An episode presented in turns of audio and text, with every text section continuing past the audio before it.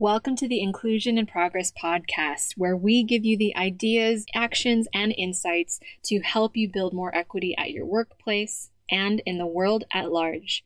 I'm your host, Kay Fabella, international expert on diversity, equity, and inclusion, a Filipino American living in Spain, and your guide in navigating this DEI journey.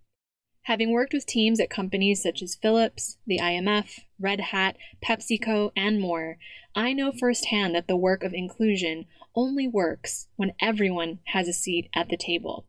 Regardless of your personal entry point into this conversation, your race, ethnicity, gender, ability, age, sexual orientation, country of origin, or educational background, we all have a role to play in creating inclusion for all. And it starts with us having conversations we need to create the change we wish to see. So let's dive into today's episode.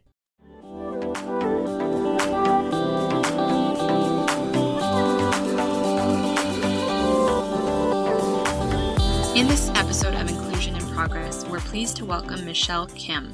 Michelle Kim is the co founder and CEO of Awaken, a leading provider of diversity, equity, and inclusion education programs that go beyond just checking the box. Michelle believes in creating compassionate space for uncomfortable conversations in order to build resilient connections and move people beyond awareness to action. She has consulted hundreds of organizations on their diversity and inclusion strategy and education journey, working with top executives from Fortune 500 to tech giants to influence change. I'm also particularly excited as someone of Asian descent to see somebody who is rocking it in the DEI space and is a leading voice for all of us to learn from. So be sure to grab a pen and paper for this episode because I know you're going to take a lot of notes. I certainly did as I listened back to this. And let's dive into the conversation. All right, welcome back to Inclusion in Progress. Today, I'm excited to have with me the prolific Michelle Kim, who is one of the first people I started following in the DEI space. And I'm always eager to check out her latest Medium article, what she's doing over at Awaken. And I'm really excited to have her on the show today to talk a bit more about this idea of inclusive language and connecting with one another. So without further ado, welcome Michelle to the show. I'm happy to have you here. Thank you. I'm honored to be here. Absolutely. So, why don't we go ahead and get started at the beginning of how you got into this work? I mean, there's so many layers and nuances to every person's journey, but I'd love to hear, you know, how you got started in the work you do and why you're so passionate about what you're doing over at Awaken and in everything that you're doing with DNI. Yeah, absolutely. It's it's a long story, but I'll try to keep it short. I really started my work with diversity, equity, and inclusion through my social justice activism work. So when I was in high school and college, I was very involved in grassroots organizing, primarily in the people of color and uh, queer and trans people of color space. I immigrated to the US when I was 13 from South Korea, so I had my fair share of experiencing you know xenophobia and racism and just feeling othered when i first came to this country and then that got even more nuanced when i started to realize my identity as a queer woman so I got really early on involved in social justice work and was taught about the importance of social justice movements through my uh, activism work and my peers. And then I went, I, I got my first job out of school in a very unexpected space. So I actually started working at a consulting firm um, right out of college because I needed to make money.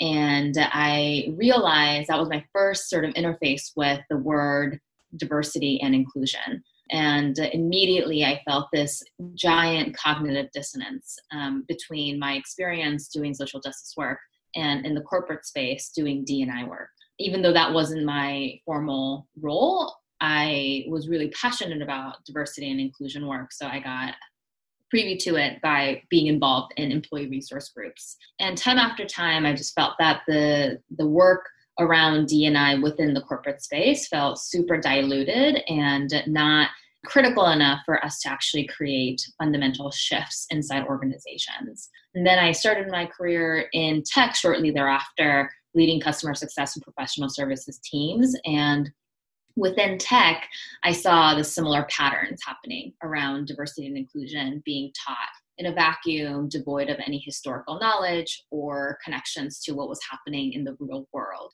So while Black Lives Matter movement was happening inside companies, we were still talking about recruiting best practices and not really understanding how unconscious bias training ties to the systemic issues that we're seeing in society at large and that you know growing cognitive dissonance made me feel that we need to create space where we can actually talk about how dni is related to everything else that we experience in the world and to stop having surface level conversations so that we can go dive deeper and actually create change from organizations so then I started uh, Awaken, where our purpose is to create compassionate space for uncomfortable conversations to develop inclusive leaders and teams.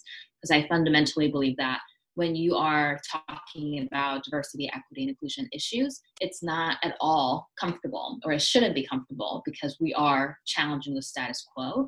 So I was tired of surface level D&I trainings that I was seeing in the market and decided to start something that can bring in a little bit more criticality with compassion to the corporate space. I love that. And as somebody who can, can attest to the to the expertise that you're sharing every week, uh, just, there's just so much subtlety and nuance that you're bringing to the conversation, but also really thoughtful, critical thinking to it. So I can definitely say on this end, it looks really awesome what you guys are doing at Awaken. Thank you. I appreciate that. Absolutely. So I'd love to dive into this idea of inclusive language. And I know it's something that especially from from what you just said about this importance of really kind of pushing the bar, getting people to think critically, getting people to be uncomfortable with being uncomfortable. And I know a big part of it is the language that we use to make sure that somebody feels like they belong or feels like that they're safe to show up as their full selves in a space especially in corporate so what would you define inclusive language as and how can we start being at least more aware of it when we're when we're interacting with one another in in a shared workplace yeah i thank you for that question and i think inclusive language is such a popular topic these days and one of the first things that I get asked from an executive who wants to work with Awaken is, can you just tell me what I'm not allowed to say and what I'm allowed to say? So I have a list of things that I avoid saying. And I think because of the perception around inclusive language or people policing each other's language, I think this concept gets a pretty bad reputation amongst people who are you know hesitant or resistant to being quote unquote censored so I just want to, you know, kind of name the fact that inclusive language isn't at all about telling people what not to say or what to say, because language is always evolving. So for me, inclusive language rather is is about an approach that we take to how we think about our impact in the world, right? How we show up in the world, the language and terms that we use, how that will impact the other people on the other side of the, the screen or phone or meeting, what have you. So I think it's about that awareness and willingness to actually reconsider the way that you're showing up in order to create that trust and resilient connections with other people it's not i think what people think of it as sort of the checklist of things that you're not allowed to say versus things that you're allowed to say. I think that's very simplistic and i don't think that's going to help us get closer to where we want to be because you know again language is evolving all the time. So if we're not actually agile enough to understand and with that curiosity to know why certain words can cause harm then i think our learning can be pretty reductive so I want to kind of start there. And then I think the the other thing that's really important about inclusive language is that it's contextual, right? Sometimes people say, "Well, how come that person get to say that, but I don't get to say this?" I think because we are so uh, eager to simplify everything, sometimes we lose that nuance and the context that we actually need to discuss. Because the fact is, identities matter when it comes to inclusive language, context matters, history matters and uh, who is on the other side when we're speaking or using certain language also matters. So I, I, don't have a quick definition to give around inclusive language, but rather I implore people to think about inclusive language as a continual practice and approach that we need to revisit time after time rather than a set list of things that we're allowed to say versus not. I really love that distinction that you made between it being a sort of checklist and rather a practice and an approach. I think that's so critical for people. And I think it in, implies a certain level of humility within yeah. within even just the understanding of the the different contexts that you can operate in so i really appreciate that distinction thank you yeah um, absolutely yeah so i think within inclusive language obviously there's different aspects to it and so i'm wondering if maybe for people who are not as aware who are listening to this podcast, as I was sharing with you before, are kind of at different stages of their own DNI journey, right? So I know one part is obviously a big one that I get questions about is, you know, gender inclusion or gender neutral inclusion in language. Anti ableist language is another one that I hear a lot, heteronormative phrasing. So I'd love to hear a little bit about if you could define each of those and how you would define it for somebody who is looking to be more inclusive in how they, they speak to one another. Hmm. Yeah, I'm glad that you brought those examples up because I think that gives me some insight into how people are thinking about inclusive language. So I think what we're actually it's sort of at the baseline is questioning what we deem to be the norm in our society, right? So when it comes to gender gender neutral language, for example, we're really asking people to challenge the gender norms that are already baked into our society. And so when we say, for example, he or she, instead of including a gender neutral pronoun or just getting rid of those pronouns altogether and saying they, I think we're challenging the norm that there's only two genders in the world and uh, similar to sort of ableist language, something that I'm constantly working on. I love that you brought up sort of that humility aspect to this because I am always, always, always learning. And even though I am spending every waking second thinking and talking about DEI, I am uh, I am not sort of the expert, right? I, I actually sort of resent that word of DEI expert because I believe that diversity, equity, and inclusion is about human experiences, and we can only be experts in our own experiences, right? I'll never understand your lived experiences as Kay, and you'll never understand fully my lived experiences as Michelle Kim, a queer woman of color with my specific backgrounds, right? So I actually think even people who don't understand some of the terminologies or knowledge base, we all are experts in our own lived experiences, and that can give us so much insight and wisdom into why everybody uh, is thinking about things differently and how we should show up to create a respectful and inclusive space for everyone. And so, going back to that inclusive language, uh, some of the examples that you shared, I think it's really about challenging what is normal? What is putting that in quotes? What is seen as sort of the standard expectations that we have? So, something that I'm constantly trying to work on is using less ableist language. So, saying things like, instead of saying, you know, let's do a daily stand up, because not everybody may be able to stand up because we're just assuming that everybody has this default state of being or their ability to stand. And so instead of saying that, replacing that language with saying, let's do a daily check in meeting. They're not difficult, but I think when people are challenged to change, any type of change, there's resistance, right? So I think it's important for us to first explain some of the harm that we're causing by using language that may be exclusionary to certain groups of people, and how, even though it's such a simple act, it can create such a difference for so many folks and the experiences and the narratives that we're telling in the world.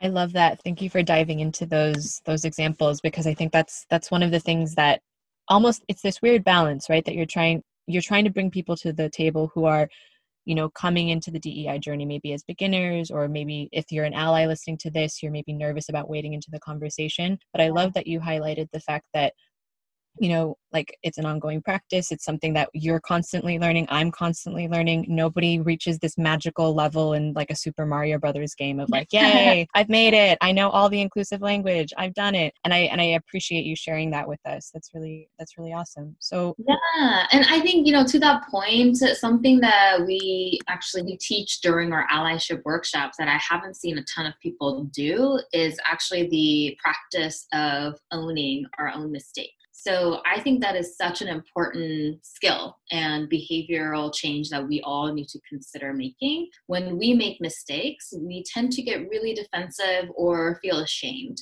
And some of those emotions are super natural and normal. And it's important for us to move through them to actually become, you know, come out of the productive end of that and also ensure that we're taking accountability for our mistakes. So there are times when I am alerted that I'm using outdated language or language that is exclusionary. And uh, it's not easy, even for me who practices accountability quite a bit and, and tries to model that. It's not easy for me to hear feedback sometimes. And I think it's important for us to actually remember that our goodness as human beings or our you know, sort of integrity as allies uh, or wanting to practice allyship is not being questioned when we make mistakes. Rather, we are being asked to learn and expand our awareness and to do better and to show up better for people that we are claiming that we want to show up in solidarity with. So I think that practice is just not even just about inclusive language, right? It's just something that we always have to be practicing. It's taking accountability for our mistakes, reducing harm proactively and reactively, and also just addressing that we're not perfect and we're all going to make mistakes at some point or another it's about how we show up in in ways that we are dealing with that feedback and i'm always always so grateful to be learning from so many different people about how I can do my work better. And I think that ongoing willingness to learn and to be humble about we, we will never fully arrive, I think is such an important part of doing this work thoughtfully. 100% agree. I love that. So I'd love to I think that naturally it then gets begets the question of if we're promoting inclusion at work and if we're starting with language, which obviously we would love for this, you know, magical moment where unbiased language becomes the norm and is standardized but obviously it takes efforts for both organizations and individuals to actually shift that change right? Or shift that current language. So i'd be interested to hear from either the work you're doing with clients or the work you're doing with individuals what do you think an organization can do and what do you think an individual can do to promote or at least start the conversation around being more inclusive in how we speak to one another at work? Yeah I think as an organization and as individuals and as teams, I think it's always really great if there's an expectation set around how we're going to approach language and how we are going to have conversations and space to be able to you know call each other in when something is said that is not landing with someone well for whatever reasons and creating space for that dialogue is so so critical it's really helpful when we can actually dedicate three hours uh, half a day full day talking about DEI, but I understand that that's not always available to everyone to benefit from, right? So we're lucky in that you know we when we go into organizations we're usually intentionally creating space for us to be able to dive into that. And we set some norms being able to even within the workshop when we're talking about inclusive language being able to actually kind of you know let our guard down so that we can learn and also be able to practice taking accountability for our mistakes. So i love to see more organizations creating space for that conversation intentionally but also setting some norms around okay so these are the things that we expect from each other and when somebody makes a mistake then here's how we're going to hold each other accountable to that. I'd love to see that. It's not as you know ubiquitous as i'd like to see. One of the i think norms that we create in our workshop that i think is really helpful for people is uh, there are a couple things. One is intention versus impact. Knowing that we're all going to just blanketly assume that everybody has good intentions and also the fact that we may make mistakes. And when that happens, we expect people to take accountability for their impact on other people. Holding that both, holding both of those things at the same time is not easy, but it's so critical for us to do this work together. And then the second um, norm that we like to create is use the best words that you have. We understand not everybody has access to knowledge or community or awareness that some people may have had to be able to know the most up to date language. And so use the best that best words that you have and trust that we will give you feedback on when to upgrade your language to be even more inclusive.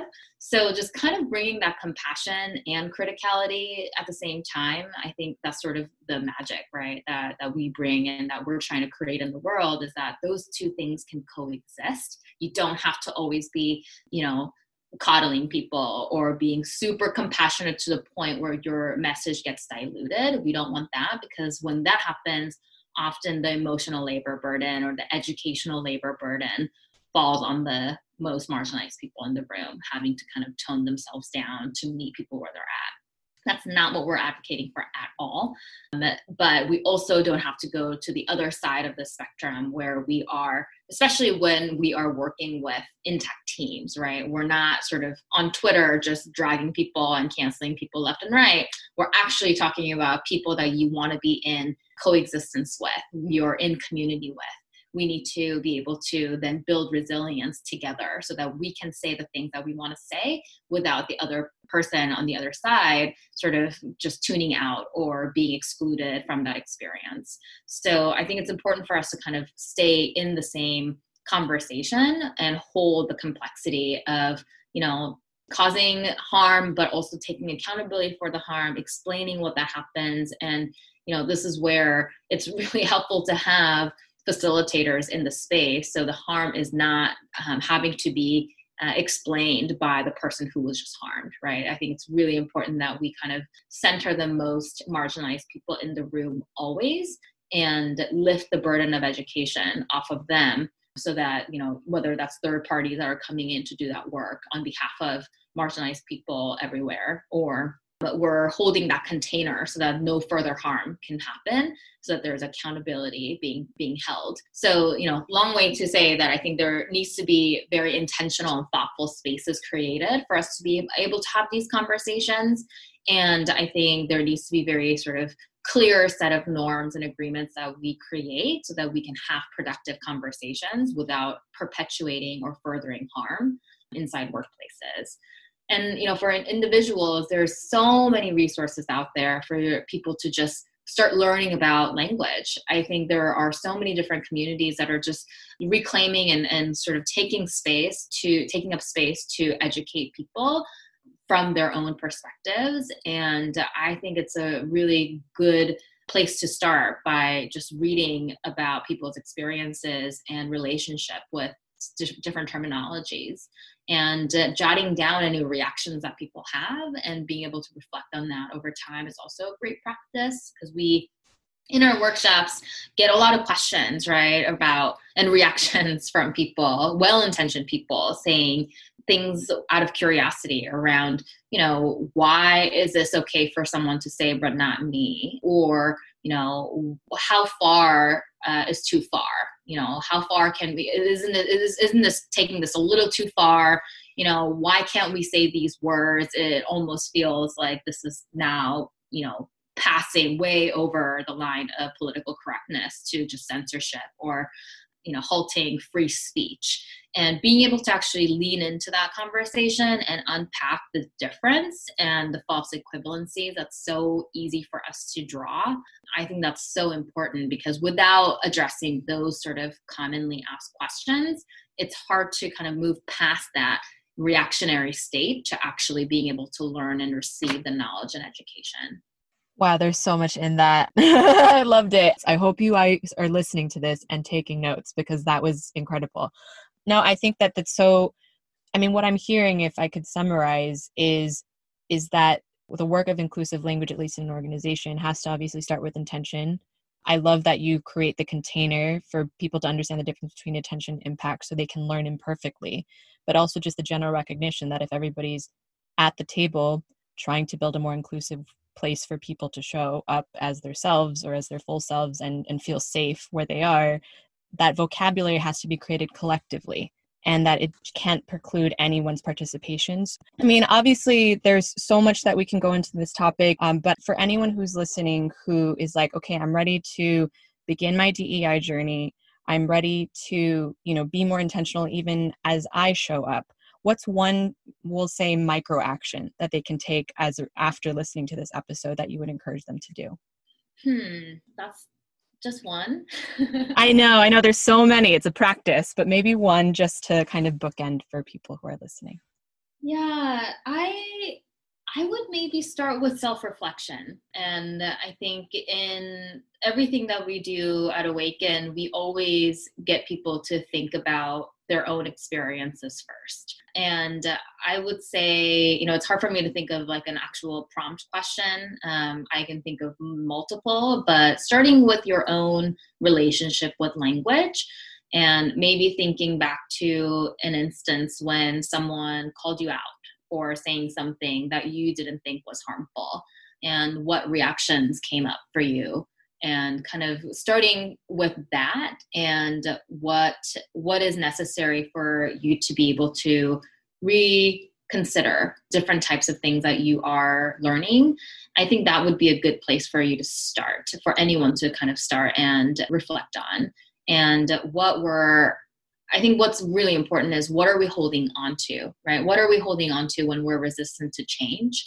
When someone, you know, first came to me and said, hey, you know, the word crazy is just not something that I think we should use because of folks who are really struggling with mental health. I actually had a very strong reaction internally, but wait we can't say crazy anymore now? Like what what more can we i mean like come on like this is such a colloquial language. I had all kinds of reactions that i'm sure so many people have to things that i feel passionate about right? So you know that was a moment that i had to recognize and sit with myself to figure out why am i so hesitant to make that shift right away. I've been given the feedback that that language is not inclusive for people.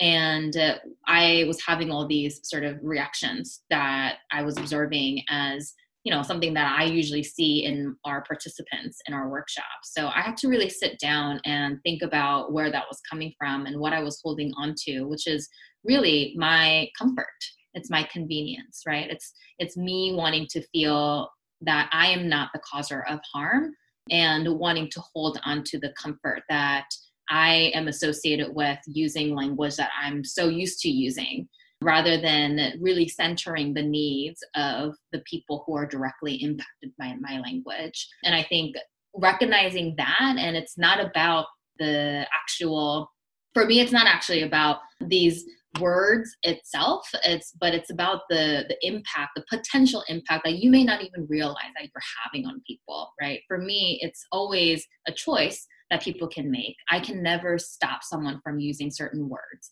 That's your choice but what you can consider is with your choice there's always impact. And if you're okay living with that choice and the impact that you have with that choice, that someone who is hearing you, listening to you, or reading your posts can be negatively impacted by that.